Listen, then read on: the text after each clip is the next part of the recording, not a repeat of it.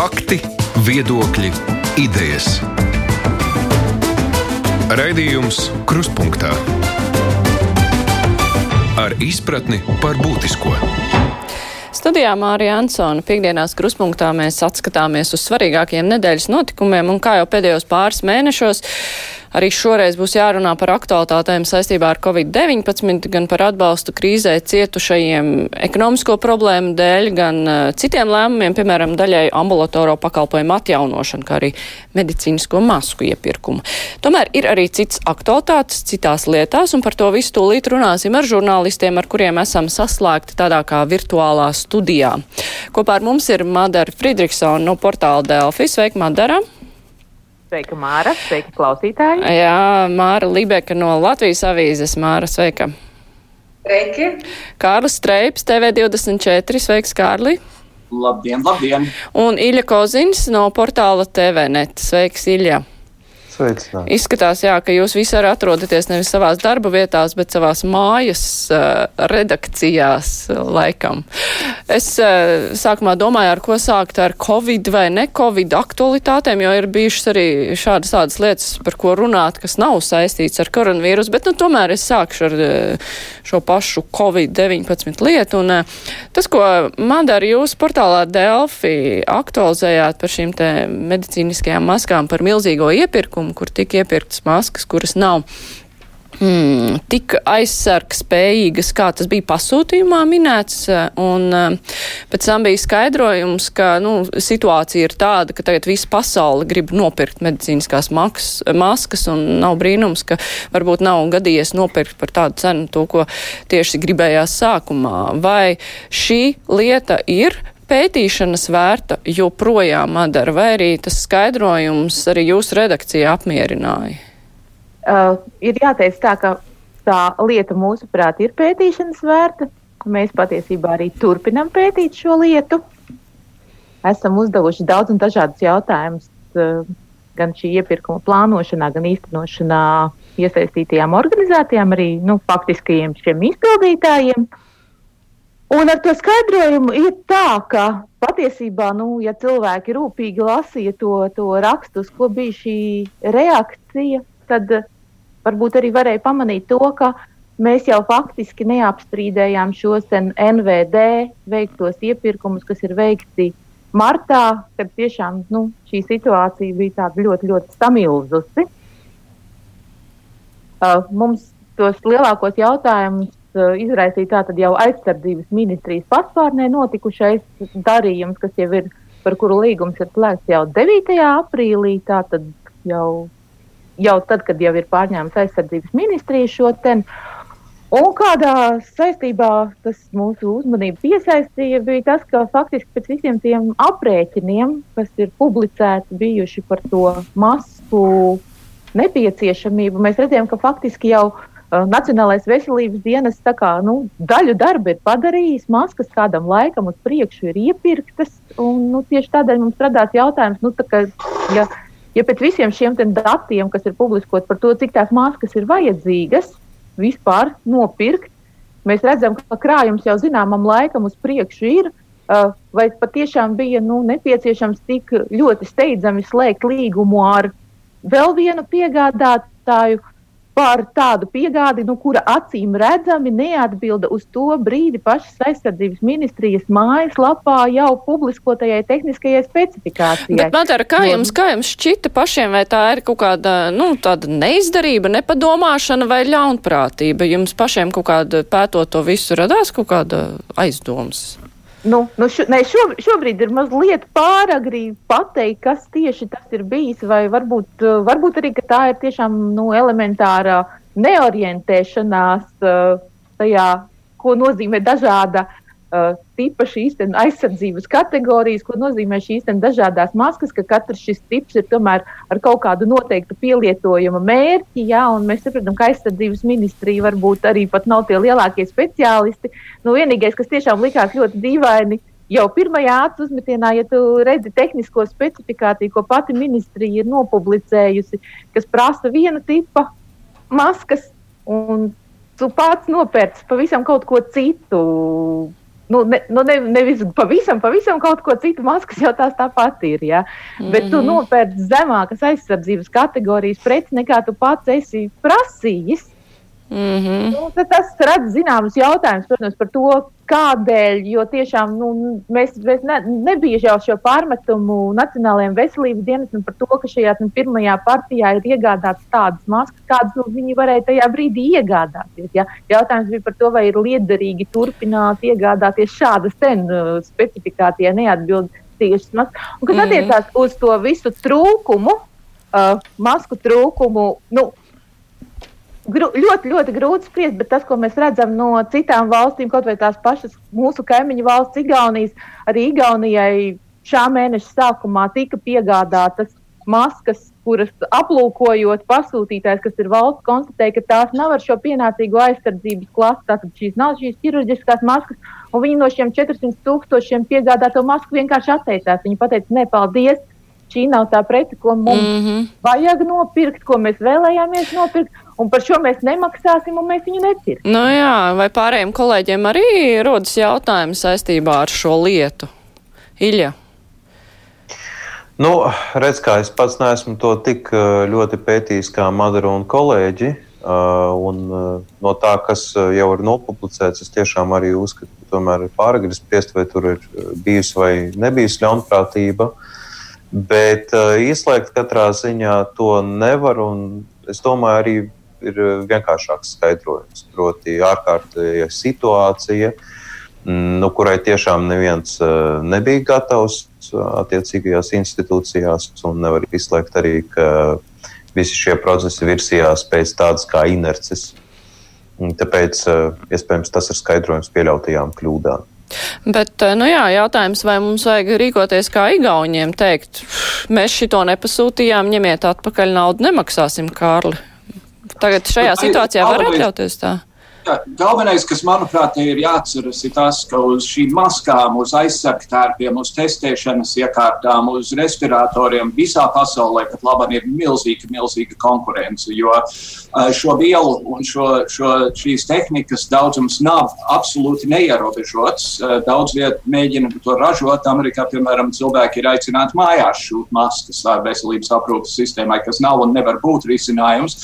Bet arī Amerikā ir bijuši gadījumi, kur ir pas, kaut kas pasūtīts, un tad vai nu federālā valdība to ir konfiscējusi savām vajadzībām, vai arī tāpat kā Latvijā ir pienācis negluži tas, ko, ko pasūtītāji bija gaidījuši. Uh, tas nav nekas, kas ir unikāls Latvijai vai, vai Igaunijai. Tā, tāpat labi ir globāla problēma.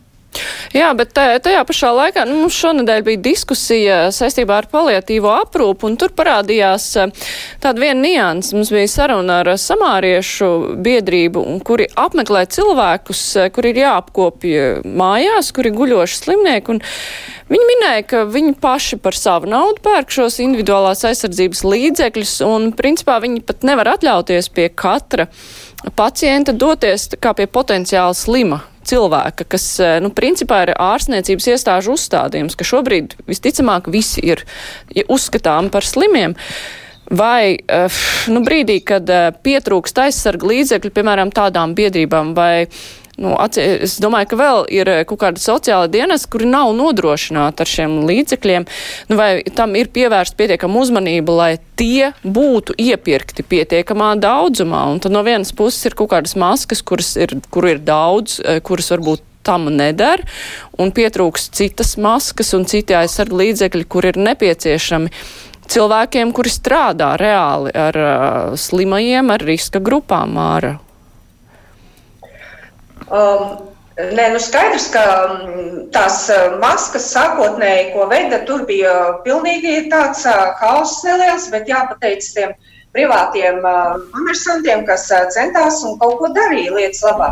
Tagad tā situācija ir normalizējusies un ir, um, kā zināms, tās maskas dalās ķirurģiskās maskās, ja tās ir tās, kas aizsargām, kas mediķiem ir vajadzīgas, tās jau ir ir piegādāts diezgan nu, pietiekamā daudzumā, cik es zinu, lielajās slimnīcās un slimnīcās sociālajos centros. Ja ir iestāžu vadītāji izdarīgi, tad arī viņi dabū saviem darbiniekiem tās maskas. Protams, ka iniciatīva ir iestāžu vadītāja rokās. Neviens jau nenāks un tās maskas tā nemetīs pakaļ, jo caur Nacionālo veselības dienestu tas ir iespējams. Un es neesmu dzirdējis, ka tagad pēdējā laikā būtu kaut kāds milzīgs masku trūkums. Vienīgais ir tas, ka sākotnēji piegādāja tās maskas, kuras mediķiem nederēja. Nu, nevis tādā nederēja pēc izmēriem, bet nederēja pēc filtrācijas pakāpes. Tur nebija attiecīgais saldums un filtrācijas slānis iekšā tāds, kāds ir nepieciešams un kāda ir Eiropas Savienības noteikumos noteikts, kas aiztur šo vīrusu 95 vai 98 procentos. Un, uh, tagad, nu, cik es zinu, ir maskas normālā daudzumā, un, un, un ja kaut kur kaut kādas milzīgas problēmas ir, par tām var taču ziņot, un tās tiks atrisinātas. Tieši tā, es domāju, nu, piekrītot, protams, Mārai, ja šādas problēmas izvērsīsies turpmāk, tad, nu, protams, par to ziņos, gan, gan arī mēs par to stāstīsim. Pat labi, man šķiet, ir daudz aktuālākas problēmas. Nu, tajā pašā laikā, maskas. tajā pašā laikā, lūk, šīs te biedrība, samāriešu biedrība, kas apmeklē cilvēkus, nu, viņi saskārās reāli ar šo problēmu. Nu, es nezinu, vai viņi nav bijuši pietiekami izdarīgi, bet, nu, tādas situācijas var gadīties. Iespējams, ka trūkst. Visā pasaulē būtībā veco ļaužu namos un aprūpes namos nemēdz būt kvalificētu medicīnas personālu. Un līdz ar to Amerikā jau gandrīz pusi no nāvēm no šī vīrusa ir konkrēti šāda veida aprūpes iestādēs. Tas ir kaut kas, kam ir tomēr vajadzīga tāda, tāda valstiska koordinācija, vismaz datu vākšanā, lai zinātu, kur sūtīt ārstus un vispārējo. Samāriešiem, kuri dodas pie cilvēkiem mājās, ir vajadzīga pilna aizsardzība, bet to nav absolūti nekādu šaubu. Un, ja viņi saka, ka viņiem tādas nav, tad ir jautājums centrālajām organizācijām, kurām ir atbildība to sagādāt. Mm -hmm. Vēl viens nu, jautājums. Patiesībā jau ir tā, ka samariešiem arī jau vajadzētu šobrīd būt tām maskām, jo pagājušajā nedēļā, kad tā tad ienāca šī, nu, šī krava lielā, tad arī vairāk, gandrīz 200 tūkstoši masku tika nogādāti Latvijas sarkanajam kruķam, kuram savukārt tie bija jāizdala vairākām vēl citām organizācijām, kas ir iesaistītas tieši šajā cilvēku aprūpē mājā. Nu, ja viņiem tiešām vēl samarieši, līdz samariešiem tās nav nokļuvušas, nu, tad ir jautājums, kaut kas tur laikam tajā loģistikā atkal tālāk arī mūsu iekšzemes loģistikā nestrādā. Nu, līdz otrdienai nebija nokļuvušas, tad mums bija tā, tas raidījums un saruna. Bet otra lieta, um, cita lieta, kas ir arī um, notikuši šonadēļ, um, šonadēļ vajadzēja atsākties daļējiem ambulatoriem pakalpojumiem, bet izrādījās, ka slimnīca nav gatavs tik straujam lēmumam, vēl veselības ministra atvainojās par to. Bet, uh, nu, ir noteikti diezgan tādi strikti noteikumi, kā var pieņemt cilvēkus ambulatori. Jautājums, vai to nevarēja uzreiz noteikt ļoti stingrus drošības pasākumus, nu, lai tad neievilktos tās milzīgās rindas, kas tagad ir izveidojušās, jo nevar veikt jaunus pierakstus, tāpēc, ka vecie pieraksti vēl nav, tā teikt, apkalpoti. Vai bija vērts slēgt uh, slimnīcas un citas iestādes šiem pakalpojumiem, vai nevarēja uzreiz noteikt ļoti tādus noteiktus stingrus drošības prasības par pacientu plūsmām, kuras nāk uz ambulatoro, kuras ārstējās slimnīcās un vispārējo, kas faktiski tagad tiks ieviests? Nu, ziniet, protams, ir ļoti grūti spriest, kas būtu, ja būtu, bet es tomēr to uzdrošināšos mazliet izdarīt. Man šķiet, ka toreiz vienkārši valdība pieņēma visdrošāko iespējamo lēmumu. Proti, nu, skaidrs, ka būtu iespējams nodrošināt uh, ambulatoros pakalpojumus arī uh, ārkārtējās situācijas laikā jau no paša sākuma, iespējams pēc ļoti stingriem nosacījumiem. Bet tad tā varbūtība, uh, ka slimība izplatītos ātrāk, nu, tomēr būtu lielāka nekā situācijā, ka mēs sākumā vispār šos pakalpojumus uz vietas nenodrošinājām, un pēc tam, kad jau redzam, ka arī to saslimušo skaits arvien samazinās, un tikai tad to atsākt. Tāpēc man šķiet, ka šāda izvēlēta valdības pieeja bija pareiza, jo izvēloties citu pieeju, vienkārši būtu lielāks tas risks, ka slimība izplatītos ātrāk un attiecīgi palielinātos tas risks, ka mūsu veselības aprūpas sistēma varētu netikt galā ar daudzu saslimšo skaitu. Bet tagad, kopš ārkārtas situācijas ieviešanas, ir pagājis mēnesis, tā mēneša laikā nekad nav bijis vairāk par 40 stacionētiem pacientiem, atbilstoši slimību profilakses un kontrolas centram. Un, ja tā, tad varētu, es, man jau liktos, es neesmu speciālists, bet man liktos, ka varētu būt viena konkrēta slimnīca vai viena konkrēta slimnīcas daļa, kurā šie 40 cilvēki tiek aprūpēti, un tad citās slimnīcās vai, vai citās nodaļās, nu, dienu var sākt atkal uh, operēt uh, citas slimības un, un ārstēt citas slimības. Uh, valstīs, kurās ir masīvs skaits ļoti slimu cilvēku, tas nav iespējams, bet mums nekad nav bijušas šādas masas. Bet tas, kas pie mums savukārt ir, diemžēl, noticis, ir bijuši šie vairāki gadījumi, kad cilvēki tiek stacionēti ar cita veida saslimšanām, un viņi izrādās Covid pozitīvi, un šīs nodaļas ir pēc tam jāslēdz ciet. Ah. Viņas nevar strādāt, un patiesībā, jo lielāka ir šī pacientu plūsma uz arī kā citām saslimšanām, uz slimībām, jo lielāks ir šis risks, ka kādam no šiem cilvēkiem izrādīsies arī zem piemēram, asimptomātiska saslimšana ar šo pašu covid-19, viņš nokļūs nodaļā un beig beigās visa šī nodaļa būs jāslēdz. Bet, bet šāds risks taču pastāv joprojām, tāpēc, ka tāpat eh, eh, saslimuši cilvēki joprojām ir tikpat labi, viņi var atnākt ar uz ārstniecības iestādi, tāpēc jau ir noteikti šie stingrie drošības pasākumi, ka pret pacientu izturas tā, ka viņš varētu būt potenciāli slims. Tas nozīmē, mediķis ir ar aizsargu līdzekļiem, tas nozīmē, ka pacientam ir pašam jāliek maska. Kāpēc to nevarēja veikt jau uzreiz, negaidot, uh, nu, jā, arī pirms uh, šīs te uh, vispār ambulatorās plūsmas slēgšanas? Kāpēc to nevarēja darīt uzreiz? Bet tad sanāca tā, ka mēs kaut ko neizdarījām, pēc tam mēs aizslēdzām, un tad mēs varam vaļā, un tad tas vidējais variants aiziet, ko varēja ieviest. Zinām, Man, man tomēr šķiet, ka šī nav tāda situācija, kur varēja jau no paša sākuma visu izreikināt. Kas bija? Es domāju, informācijas pieejamības ziņā tikai citu valstu pieredze. Un dažu valstu pieredze bija ļoti šaušalīga ar tiem daudziem tūkstošiem inficēto un simtiem saslimušo. Tāpēc un pārpildītām domāju, ka, slimnīcām. Jā, un pārpildītām slimnīcām, kas netika galā ar pacientu plūsmu. Tāpēc es domāju, ka tas lēmums, kas tika pieņemts visu noslēdzot, tas bija vienkārši, nu, ar tādu rezervi pieņemts, eh, ka mēs saprotam, ka varbūt eh, šie pasākumi ir tādi stingri, bet tādā veidā mēs nodrošinamies no sliktākā scenārija un to faktiski novēršam.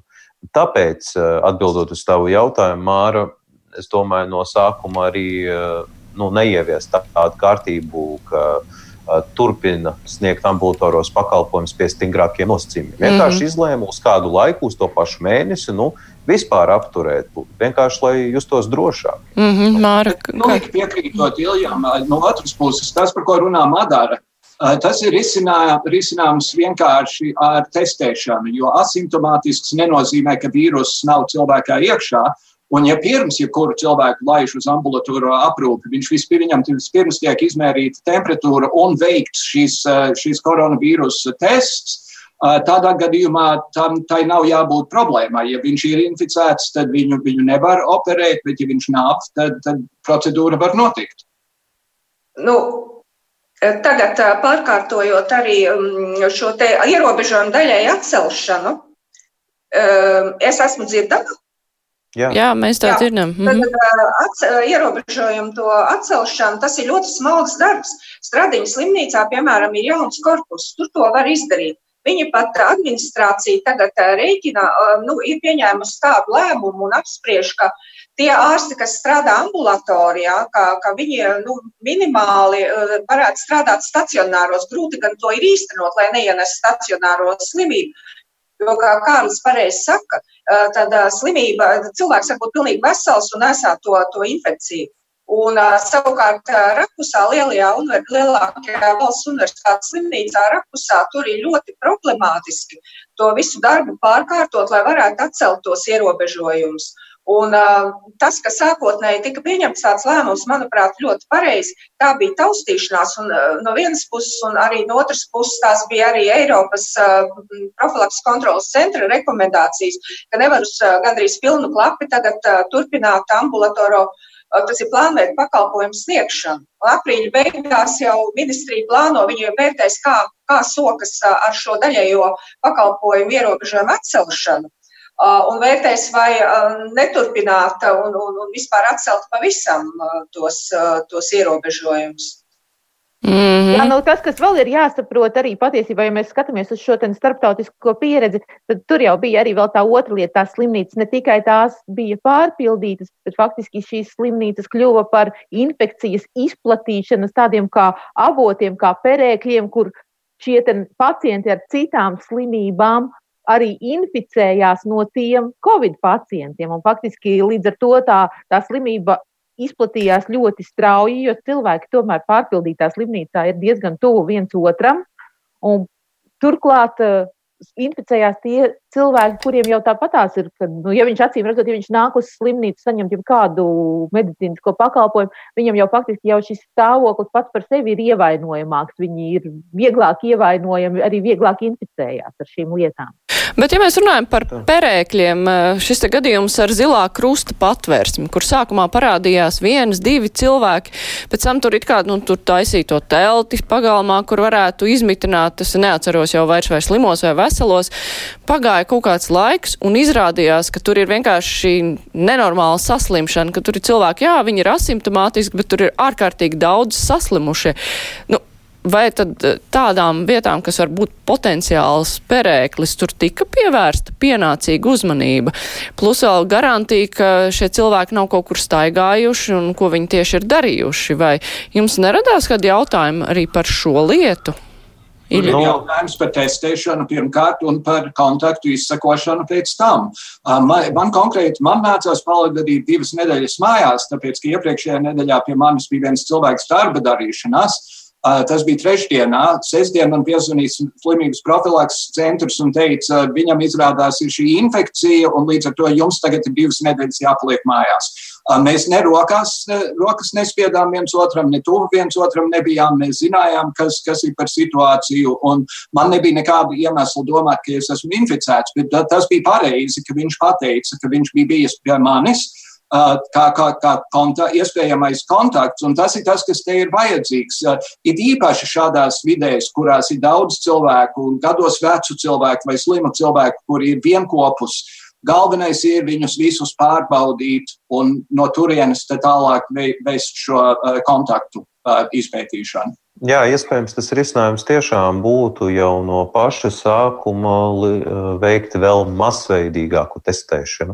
Nu, es saprotu, protams, ka tā, tā ir noteikti nauda, noteikti naudas līdzekļi, kas būtu jāiegulda, bet tas vismaz daļēji palīdzētu novērst šādas situācijas, kas bija zilajā krustā. Un, protams, šādām patvērsmēm bija nu, tā proaktīvi jāpievērš vairāk uzmanības jau no paša sākuma, jo padomājot tādā tālākā laika nogriezienī par infekcijas izplatību, nu pat cilvēkam, kas nav eksperts, ir skaidrs, ka visticamāk šādās vietās mm, ir ļoti, teiksim, tā pateicīga augsne infekcijai, jo tie, tie cilvēki patversmes klienti, nu, es, teiksim tā, ja mēs paskatāmies, vai viņi lieto mēdījus vai saņem kvalitatīvu informāciju arī par pandēmiju, drīzāk nē.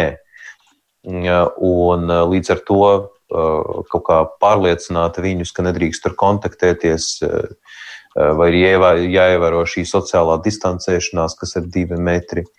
Mm, tas, tas ir ārkārtīgi grūti, un tāpēc no paša sākuma bija varbūt jāpadomā, kā kā novērst vai kā mazināt infekcijas izplatību tieši patvērsmi klientu vidū, kaut vai testējot. Jā, tas ir viens no risinājumiem.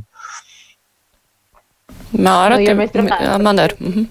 Ja mēs runājam par šiem potenciālajiem pēdēkļiem, nu, nu laimīgā kārtā tā šobrīd vēl nav bijis, bet, protams, arī jautājums par to sociālās aprūpes centru klientu testēšanu un pieskatīšana droši vien kļūst ar vien aktuālāks, ja, jo, kā mēs redzējām uz pagājušās nedēļas beigām, tie bija septiņi sociālās aprūpes centri, dažādi šīs sociālās institūcijas, vēl, vēl bez šīs patvērsnes, ja, kurās jau bija konstatēti pozitīvi gadījumi vai nu darbinieku vai, vai pacientu, klientu saucamo vidu un Un, un, un šogad, šonadēļ ir nācis klāt vēl viens šis gadījums, kur cilvēks tika ārstējās slimnīcā, ieradās sociālās aprūpes centrā, un tad izrādījās, ka viņš tomēr ir arī inficējies, tur viņš ir atradies vienā istabiņā, lai gan it kā ar šo aizslietni nodalīts, bet nu, arī atradies vienā istabiņā ar, ar citiem cilvēkiem. Droši vien, ka patiesībā runājot par testēšanu, tad sociālās aprūpes centra un šīs patvērsmes ir noteikti arī tāda viena objektu grupa, ja tā to var nosaukt, kurai būtu jāpievērš ļoti pastiprināta uzmanība. Vēl jau vairāk zinot, ka, ka citās pasaules valstīs tā ir problēma, kur ir identificēta jau sen šī konkrētā lieta. Zviedrijā, piemēram, kur nebija nekādu īpašu ierobežojumu, tur veco ļaužu namos un aprūpes namos ir bijusi eksplozija šajās, šajās infekcijās. Vienkārši racionāli skatoties, vieta, kur cilvēki dzīvo ļoti ciešā saskarsmē viens ar otru, ir acīm redzama vieta, kur ir jāveic šie, šīs pārbaudas. Amerikā otra joma, kurā ir, ir masveida infekcija investīcijas interesantā kārtā ir gaļas pārstrādes uzņēmumi. Visā Amerikā, jo tur cilvēki cieši viens pie otram blakus stāv. Un līdz ar to gaļas pārstrāde Amerikā pat labi veidojas gaļas deficīts, jo daudz pārstrādes uzņēmumu šī iemesla dēļ ir slēgti. Māra, tev ar ko piebilst? Jā, nu, par to zilo patvērsmi jau tiešām varēja operatīvāk rīcība būt. Tur taču arī daļa no tiem iemītniekiem izbēga un kaut kur blandījās apkārt, un to vajadzēja uzreiz stingri ierobežot un, un, un neļaut. Nu, tas bija ļoti operatīvi jārīkojās, bet nu, nebija tā rīcība tik ātra. Pēc tam sekoja tur mēri, bet nu, drusku pavēlu tas, protams, bija. Nenoreaģēja tik ātri, kā, kā tas būtu jāizdara. Jā, es atgādināšu klausītājiem, Latvijas televīzijas skatītājiem, ka šodien mūsu diskusijā piedalās Iļa Koziņas no portāla TVNet, Madara Friedrichsone no portāla Delf, Kārlis Strēps no TV24 un Māra Libek no Latvijas avīzes. Mēs turpināsim tūlīt. Raidījums Krustpunktā. Jā, arī šīs nedēļas laikā valdība ir turpinājusi pētīt, skatīties, kā palīdzēt uzņēmējiem, jo ziņas pienāk ar vienu, ka kāds uzņēmējs atkal nav dabūjis kādu atbalstu. Um, reakcijas ir bijušas dažādas, bet uh, nu, tie lēmumi, kas tagad ir pieņemti. Hmm, Nu, viens no tiem ir tas minimālais atbalsts 180 eiro, ko, ko var saņemt šis te dīkstāvs pabalsts saņēmējs, jo tur pirms tam bija stāsti par 6 eiro, kas ir saņemti un tam līdzīgi. Vai tas ir tas, kas bija nepieciešams uzņēmējiem, vai ir vēl nerisinātās problēmas? Madara, kā tev izskatās? Nu, pirmkārt, jāsaka, ka dīkstāves pabalstus un dīkstāves pabalstu, pabalstu, pabalstu, kā nu, šī sistēma tagad tāda dīvaina veidojās, ka pabalstu un piemaksa pie pabalsta un, un pabalsta, pabalsta, pabalsta. Uh, pirmkārt, to, šo pabalstu saņem darbinieki. To nesaņem uzņēmēji, tas pat taisno tiek maksāts tātad šī darbinieka uh, kontā.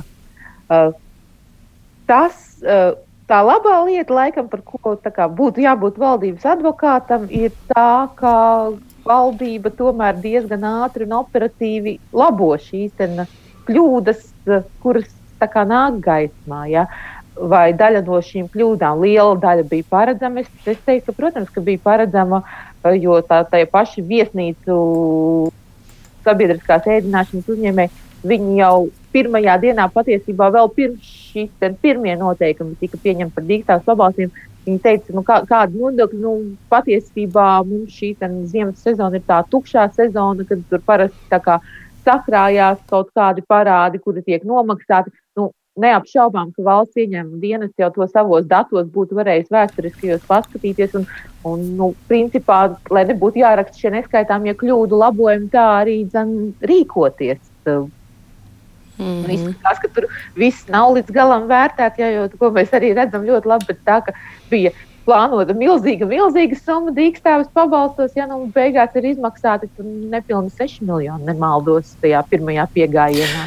Nu jā, jau no paša sākuma bija vēstījums no dažādiem ekonomistiem, ka šī nu ir tā krīze, kad vajag cilvēkiem dot naudu rokā ar vien vairāk naudu, lai ekonomika kaut kādā veidā tiktu sildīta. Praksē izskatās, ka īsti tā nenotiek. Kāpēc? Praksē viss, viss izskatās ļoti formāli, birokrātiski. Laikam no tā vienkārši nevar izbēgt. No otras puses, redzot visas uh, uzņēmēju atsauksmes un uh, arī raudienus tiešajā ēterā, nu, paliek bišķi neomulīgi. Un, ja mēs runājam par konkrētiem noteikumiem, piemēram, kas man ir palicis atmiņā, viens no filtriem, pie kura izpildes tātad dīkstāves pabalsta izmaksu atsaka, ja es nemaldos, ir, ka to nu, nedrīkst būt nekādu ienākumu šajā, šajā laikā, kamēr cilvēks saņem dīkstāvas pabalstu. Un es atceros, es pirms intervijas ar vidu vadītāju Jaunzemes kundzi, man vairāki skatītāji bija sūtījuši jautājumus, un viens no jautājumiem bija apmēram tāds, nu, ok, es nedrīkstu gūt nekādus ienākumus, kamēr saņemu pabalstu. Uh, Bet, ja, piemēram, man ir papildus ienākums 50 eiro mēnesī, nu, teiksim, kaut kāda auto, autora atlīdzība, es nezinu, par viena teksta tulkošanu nedēļā no sērijas. Un tad dīkstāves pabalsts eh, potenciālais ir aprēķināts no apmēram 200 eiro. Tad eh, kā, kā var par šādu naudu izdzīvot, un tad vēl tev eh, bezmaz vai pasaka, ka, nu, nē, tu nedrīksti to autora atlīdzību 50 eiro saņemt nu, kaut kas šeit līdz galam tomēr nav uh, atstrādāts, laikam. Tur, tur, tur, tur būtu pie kā jāpadomā, un iespējams vēl citi palīdzības mehānismi jāizvērtē. Un arī runa ir par pašu teiksim, tā, ierēģu un amatpersonu izpratni. Lūk, Madara teica, ka tos pabalstus saņem tieši nu, pašas personas, nodarbinātie savos kontos tad loģiski būtu, ja mēs pieņemam, ka šis ir tāds darbinieku atbalsts. Bet redziet, eh, vidu vadībai, piemēram, ir citi izpratni. Intervijā es atceros vairākas reizes, Jansams kundze uzsvēra, nē, tas ir atbalsts uzņēmējiem. Un, attiecīgi, kad parādās visi jautājumi, piemēram, uzņēmums kaut kādā brīdī uh, ir pieļāvis kļūdu un uh, nav tur, teiksim, uh, nomaksājis uh, to nodokli, tad ir jautājums, vai tie darbinieki ir vainīgi. Uh, jo bieži vien viņiem ir ierobežotas iespējas ietekmēt to, kā tiek maksāti nodokļi. Nu, ir virkne šādu jautājumu, kuriem, manuprāt, netiek veltīta pienācīga uzmanība, bet kas būtu jāvelta, lai šī sistēma beidzot strādā un lai mēs mazāk uh, redzētu paziņojums par to, ka kārtējā ēdināšanas vieta, ka to nāksies slēgt? Manuprāt, te ir divas lietas sakāmas. Pirmkārt, šī ir situācija, kuru neviens, ne Latvijā, ne citur pasaulē nevarēja paredzēt, ka Ķīnā kāds apēdīs sikspārni un, un visā pasaulē būs miljoniem inficēto visu, visu no tā izrietošo. Un loģiski, valdība apstiprināja šo naudas summu, ir tikai loģiski, ka paiet drusku laiks, kamēr nokārto formalitātes. Un, cik es saprotu, vakar valdības sēde mainīja algoritmu, kādā tiek aprēķināts uzņēmuma status šajā dīkstāves kontekstā, lai salīdzinātu datus uz gada pamata, nevis tikai uz viena mēneša pamata. Valdība strādā un, un valdība domā. Bet otra lieta ir šis šis nav tas brīdis, kad knapināties. Jo uh, cilvēki, kuri ir palikuši bez darba ar vai bez 50 eiro uh, auto, nu, autora atlīdzības maksājumos, ja viņiem ir trīs bērni, kuri tagad nav skolā, un kuri ir kaut kā jāprūpē, un ir kaut kas jāliek uz galda, un, un tā tālāk, un tā joprojām. Uh, 200, 200 eiro Rīgā vismaz nav absolūti nekāda nauda. Ja tev ir dzīvoklis ar īri un komunāliem maksājumiem un visu pārējo, uh, mums visiem kopā šī lieta ir jāpārdzīvo, jācer, ka viņa beigsies ātrāk, nevis vēlāk. Uh, labu darbu vidas dara ar, ar prasību veikt izņēmumu, ļaut viņam paskaidrot uzņēmumiem, kāpēc ir atteikti pateikts, jo pagaidām netiek tas pateikts, vienkārši tiek pateikts nē. Un viss par to, kā uzņēmumi maksā naudu, nodokļus, es atvainojos, un sociālās lietas. Par to var spriest pēc tam, kad šī krīze ir beigusies. Ļoti iespējams, ka likumā ir dažādi rodi, kurus tajā brīdī varēs pildīt un aizpildīt, bet ne pat labam pat labi ir jāpalīdz cilvēkiem vienkārši galus savilkt kopā. Nu, tiesības sargs jau arī norādīja, ka vajadzētu palīdzēt arī to uzņēmumu cilvēkiem, kuri nav maksājuši nodokļus, bet pēc tam ieņēma dienesta, lai ar šiem te nemaksātājiem tiek galā pēc tam. Bet tagad prioritāri ir cilvēki, no kā iztiks. Māra, kā tev šķiet?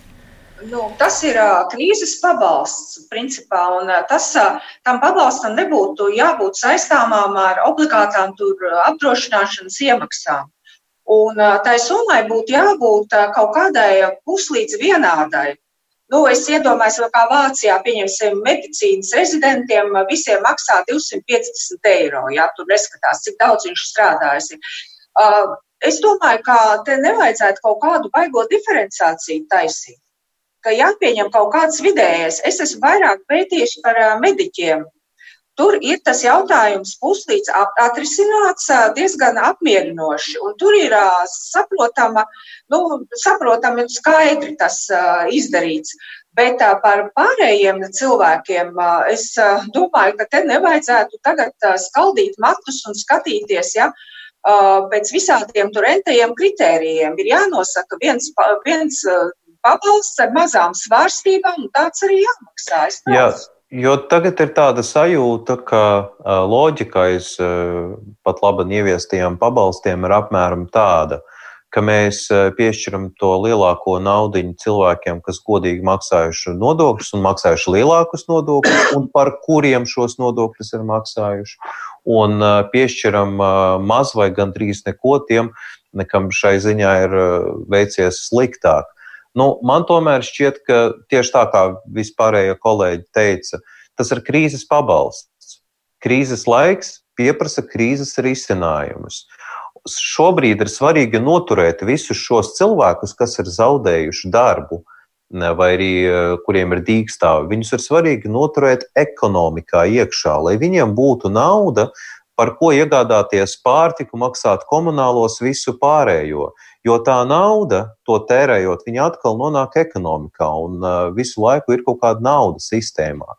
Savukārt, ja tur vienai daļai, un kā redzams pēc tām summām, uh, tad nelielai daļai mēs tos pabalstus piešķiram uh, kaut kādus, un citiem nē, nu, tas diezgan vai veicinās nu, tādu ātrāku ekonomikas atveseļošanu, cik nu es varu spriest ar savām ierobežotām zināšanām par ekonomiku.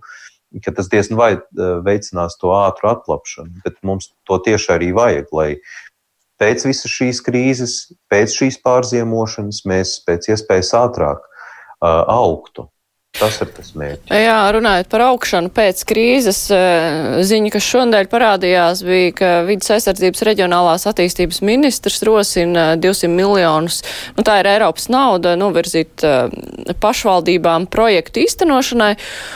Un uh, viņš minēja arī projektu veidus, un tie ir infrastruktūras projekti un māju siltināšana. Nu, principā, kam arī pirms tam laikam tas, tā nauda bija paredzēta, bet nav tur, apgūta.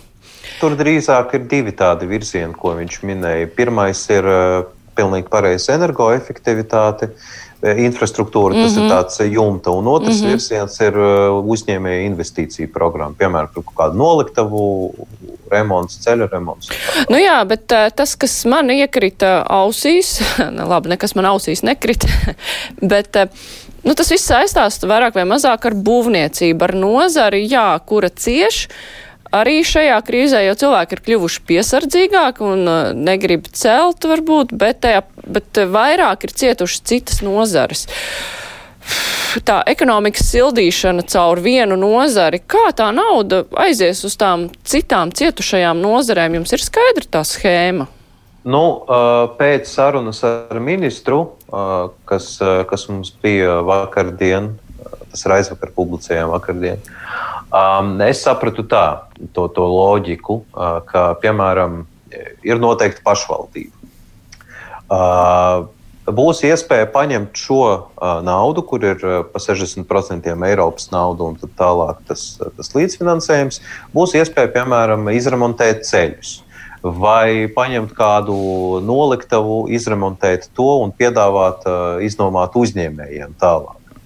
Un, tad, piemēram, ir kāds uzņēmums, kam nepieciešamas telpas un darbinieki, kas ir palikuši bez darba dīkstāves laikā. Un viņš, piemēram, aizbrauc, es nezinu, uz Kuldīgu, kur ir, kur ir daudz palikuši bez darba un kur ir šī pateicoties šai 200 miljonu programmai, izremontēta noliktava. Viņš tur var izvērst savu biznesu, viņam ir darba spēks, un viss notiek. Tādā veidā ieplūst nauda, un tā ekonomika vietējā līmenī mazliet atdzīvojās. Nu, tā es to saprotu. Mm -hmm. Tā kā, it kā veicinot, it kā atbalstot vienu to nozari, īstenībā tas ir atbalsts daudzām saistītajām nozarēm. Nu, tā kā nav tikai būvniecībai, jo no tā īstenībā iegūst daudz mm -hmm. citi. Jo ir tie nepieciešamie nosacījumi, lai tur uzņēmēja darbība notiktu. Nu, kaut kā tā. Madara. Te, te ir jāatcerās, ka uh, satiksmes ministrija ir teikusi, ka viņi izmantos izdevību, ka pat labāk uz ceļiem ir ļoti daudz mazāk transporta līdzekļu, lai pastar, pa, pastiprināti nodarbotos ar ceļu remontiem jau tagad, nevis tikai vasarā. Un arī tās ir darba vietas. To tie, tie cilvēki, kuri labos ceļus, tiem tiks maksāts. Nu jā, bet tā, tā ir pavisam citi darbinieki nekā tie, kuri ir zaudējuši darbu viesnīcās, restorānos nu, un, un līdzīgās jomās. Šeit nu, ir ļoti svarīga ekonomika sildīsies. Viņi varbūt tās pēc tam ies uz tiem restorāniem un ēdīs tie ceļu strādnieki. Nu jā, re, restorāni jau ir nestrādā ne jau tāpēc, ka cilvēkiem varbūt šobrīd naudas nav, bet tāpēc, ka ir ļoti liela ierobežojuma darbam. Tīri praktiski nevar. Jā, nu, par to strādāšanu, ka, pie, ka piemēram tā nozare, kas ir eh, viesu uzņemšana nozare un apkalpošanas restorāni, viesnīcas, mm. ka tie darbinieki, eh, nu, ka, ka, protams, viņiem laikam eh, ne īpaši skaista perspektīva izskatās iet un strādāt uz ceļiem, vai es nezinu. Un tur jau arī kaut kādas prasmes tomēr ir vajadzīgas, to tā nevar Tad... Jā, bet uh, šajā sakarā es vienkārši atceros vienu lietu, ko man intervijā nesen pateica uh, labklājības ministra Ramona Petrāviča, ka šajos apstākļos, ka nu, tomēr mums uh, ir šī ekonomikas lejupslīde, ka varbūt daļai cilvēku, kas šobrīd ir zaudējuši darbu uz kādu īsu laiku, varbūt tomēr ir jāpieņem tas, ka būtu jāuzņemas kāds mazāks, es atvainojos, zemākas kvalifikācijas darbs. Nu, vienkārši tāds viedoklis ir. Cik nu, tas būtu jāņem vērā, es, es, es tiešām nesmu, jo es neesmu tādā situācijā. Tas ir tādā gadījumā, ja tas darbs ir atrodams. Nes, tur ir atsevišķi jāpēta, acīm redzot, kādas ir tā darba tirgus piedāvājums. Um, ir arī citas lietas, par kurām gribētos runāt, kas nav saistītas ar eh, Covid-19. Tas eh, desmit minūtes mazāk ir palikušas. Augstākās tiesas priekšsēdētāja amatam kandidāts ir parādījies Aigars Strupišs, augstākās tiesas tiesnesis. Pašreizējiem tiesas eh, priekšsēdētājiem nu, ir pārmests tādas problēmas ar reputāciju, ar atrašanos VDK kartotēkā. Ko mēs zinām par eh, kandidātu, kurš tagad ir izvirzīts, vai viņam būs kaut kādas problēmas vai nebūs? Māra, tu esi pētījuši šo? Jā.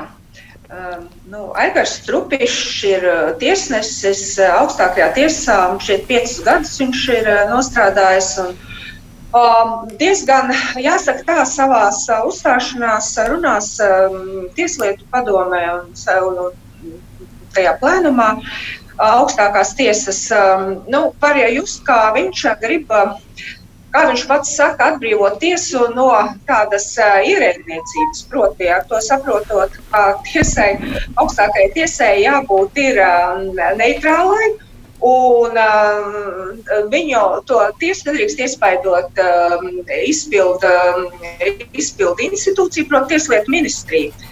Un tāpēc uh, ir pilnīgi skaidri un saprotami viņš pateicis, ka Tieslietu padomē, kur ir arī Tieslietu, uh, tieslietu ministrs un uh, saimnes juridiskās uh, komisijas priekšsēdētājs, ka lūk, šī Tieslietu padome ir nu, jāatbrīvo no viņiem. Tur jābūt tīri juristiem. Un, uh, nu, es nezinu, tur ir. Uh, Nu, viņš grib, um, grib, to viņš grib panākt, uh, ka tiesa faktiski pati tātad, tieslietu padome lemj par tiesu budžetu, finansiālo situāciju, ko līdz šim darīja tiesu administrācija, kas atrodas tieslietu ministra pāraudzībā, un to struktūru pamainīt viņš vēlas. Bet Pats svarīgākais, ko es redzu tajā viņa nākotnes darbībā, ir tas, kā viņš grib, un viņš norādīs arī konkrētus punktus, kā uzlabā, uzlabot tiesnešu kvalifikāciju. Te runa ir tieši par zemāko instanču tiesām. Un, un tur ir, tur ir tātad eh, nolemts uh, praktiski izglītot tiesnešu un lasot un klausoties viņa tāda sajūta, ka tiešām, uh, ka, nu, liekas, ka tiesneši tie ļoti erudīti cilvēki, un tur jau ir maz problēma. Izrādās, ka ne, ka tomēr ir diezgan daudz tieši profesionālajā kvalifikācijā. Man liekas, pieņemami ir, protams, tas, ka Aigars Strupišs nav saistīts ar politiskajām partijām. Kā viņš nepa, nekalpo kaut kādiem politiskiem spēkiem, ka viņš nebaidās savu arī tādu objektīvu, reizēm negatīvu to, to redzējumu paust arī par tieslietu ministra Jāņa Bordāna darbību atsevišķos aspektos. Un, Nu, šķiet, ka viņam tas ir diezgan stingrs mugurkauls, bet uh, atkal no otras puses, ja runā par Ivaru Bičkoviču, mēs zinām, ka viņam ir šī uh, tad, tad tāda nesmuka ēna velkās līdzi sadarbībā ar, ar, ar Čeku. Tad jautājums ir, kāpēc tad tiesu sistēma augstākajā tiesā tiesneši nereaģēja uz šo faktu un nerunāja. Un uh, visi kā partizāni klusē, tajā skaitā arī Aigars Strupišs. Nu jā, varbūt vienkārši. Mhm. Jāsaka, es atvainojos. Pēc pāris nedēļām būs 30. gada diena brīdim, kad padomju Latvijas augstākā padoma pieņēma neatkarības deklarāciju. 30 gadus pēc tam uzskatīt, ka tas, ka cilvēks kaut kādā veidā bija tajos čekas maisos, ka tas viņu diskvalificē amatā, manuprāt, ir absolūts absurds. Vēl jau vairāk ņemot vērā to, ka tā, tie čekas maisi ir tikai daļēji, tie nav pilnīgi, tie nav pilnīgi izskaidroti un tā tālāk. Manuprāt, Bičkaričs kungs ir sevi labi pierādījis augstākās tiesas priekšstādātāja amatā, un tas nu nav arguments, kāpēc, kāpēc viņš būtu. Nē, nu, Kārli Māra to ieminējās. Māra ieminējās ja, šo faktu, mm -hmm. un es mhm. tāpēc arī nu, viņai uh, saku, viņa bija tā, kas pieskārās šai. Mums arī ļoti bieži, mums pēdējā laikā īpaši bieži, kad klausītāji raksta un norāda tieši uz šo te atrašanos VDK arhīvā, lai gan tur ir skaidrs, ka tur, cik es atceros, tiesa ir bijusi un viss ir tā kā skaidrots, bet cilvēks tas interesē un cilvēki grib saprast. Jā, bet tev ir diezgan maz sakars ar uh, Aigaru Strupišu, mm. kurš ir jaunais kandidāts uz augstākās tiesas priekšsēdētāja amatu, kurš nav ļoti ilgus gadus patiesībā arī ar Ivaru Vičkoviču plecu pie pleca strādājis. Nu, es nevarētu teikt, ka es esmu ļoti, ļoti pētījis Aigaru Strupišu, bet uh, varu tikai atgādināt, ka viņš ir diezgan augstas klases uh, jurists viņš ir bijis cilvēks, kura vadībā ir izstrādāts Latvijā pat labam spēkā esošais komerclikums. 2000. gados tas ir tā kā, tā diezgan apjomīgs un liels darbs, un ņemot vērā to, ka arī Aigars Strupišs šobrīd nodarbojās ar civillietām, patiesībā arī augstākajā tiesā, būs droši vien viņa apstiprināšanas gadījumā, protams, būs diezgan interesanti redzēt, eh, kā mainīsies tiešām šī augstākā tiesa un vispār tiesu sistēmas izpratne par, par lietu būtiskumu, varbūt, jā, un tieši par šo kvalifikāciju. Jo es tā pieņemu, ka runājot arī par šo tiesnešu kvalifikāciju, jā, Aigars Strupišs droši vien lielākoties domā tieši arī šīs civilietas, jā, lietas, kas varbūt saistās ar kādām tur nu, pēdējos gados slavenajām maksātnespējas lietām vai saistību izpildes lietām vai kaut ko tam līdzīgu, nu, ekonomiski raksturu vairāk tādām lietām, ja, kur nu, tiešām ir tā, ka droši vien ka lielai daļai mm -hmm. tiesnešu tā izpratne ir nu, tālu, no, tālu no ļoti labas un optimālas izpratnes. Uh, tā, ka, jā, tā varētu būt interesanta lieta pirmkārt saprast tiešām, nu, ja, ja vienu kriminālu tiesību tiesnesi augstākās tiesas priekšstādātāja amatā nomainīs cilvēks, kurš tomēr visā savā profesionālajā karjerā iepriekšējos laikos ir uz, uz, uz civilu lietām un tādām orientējies, vai tas nozīmē arī kaut kādus jaunus akcentus tīri tajā, ko pašas tiesas uzskata par prioritāti. Mm -hmm. Un, nu, protams, būtu arī interesanti redzēt, kā tas viss ies kopā ar to, kas ir šī tieslietu ministrijas nu, jau kādu laiku uzturētā iecerē par šo komerctiesu atsevišķo, kā šī komerctiesa vispār varētu salāgoties ar tieslietu sistēmu, kurā varbūt ir pamainīti akcenti patiesībā mm -hmm. arī komerctiesa un komerciālo un civilu lietu virzienā. Jā, Ilja, es, man īsti nav laika, te bija kas īpašs sagatavots par Strupišu kungu. Es gribēju paspēt vēl vienu tematu, īsi, īsi, īsi apspriest uh, saistībā ar Kristīnas Misānas lietu. Nevis par to vajadzēja atbrīvot, nevajadzēja, nekomentējot tiesas spriedumu. Tajā dienā, kad viņi tika atbrīvot no cietuma, jo tiesa uzskatīja, ka viņi ir izcietusi savu sodu, uh, Mēdī par to ziņoja. Es nezinu, beidzot bija kāda ziņa, kas nav saistīta ar Covid, par ko daudz bija runājuši iepriekš, bet mums bija daudz vēstules par to, kāpēc vispār šai lietai ir jāpievērš uzmanība. Iļa, kā tev šķiet, vajadzēja pievērst uzmanību vai nevajadzēja? Labi, es tev atbildēšu tā. Viennozīmīgi uzmanība bija jāpievērš, jo šeit bija runa par uh, Eiropas Savienības un, protams, Latvijas pilsonas izdošanu trešajai valstī. Uh, bet, manuprāt, varbūt nebija tik daudz jāatspoguļo emocijas kā fakti. Uh, nu, Viss cieņa, protams, Kristīnai Misānai un uh, viņas smagajam dzīves stāstam. Tomēr uh, es uzskatu, ka tajā sākumā bija mazliet vairāk emociju nekā faktu. Un tāpēc varbūt daļai cilvēku par šo situāciju radās uh, mazliet nepareizs priekšstats, bet pēc tam parādījās arī, arī šie fakti. Un, nu, jā, sasniedzām teikt, tādu līdzsvaru. Tāpēc vēlreiz jā, viennozīmīgi par to bija jārunā, jāpievērš tam uzmanība, bet varbūt mazliet distancētāk. Galu galā galvenais ir tas, ka māte ir atpakaļ kopā ar saviem bērniem, un bērni ir atpakaļ kopā ar savu māti. Tās emocijas, tās bija bailes no izsūtīšanas uz valsti, kurā cietumi ir briesmīgā, briesmīgā, briesmīgā stāvoklī. Es vienkārši priecājos, ka lieta ir labi tikusies.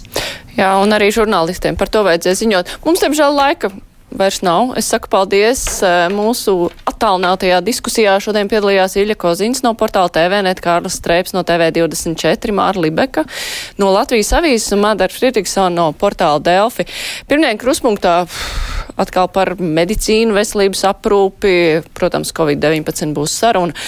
Mums lielā intervija un mums būs saruna ar Ameriku. Mm, intervija ar ārstu Uģi Gruntmani, kurš pats ir mēģinājis arī ielausties Latvijas medicīnas sistēmā, veltījis daudz kritisku vārdu pietiekami.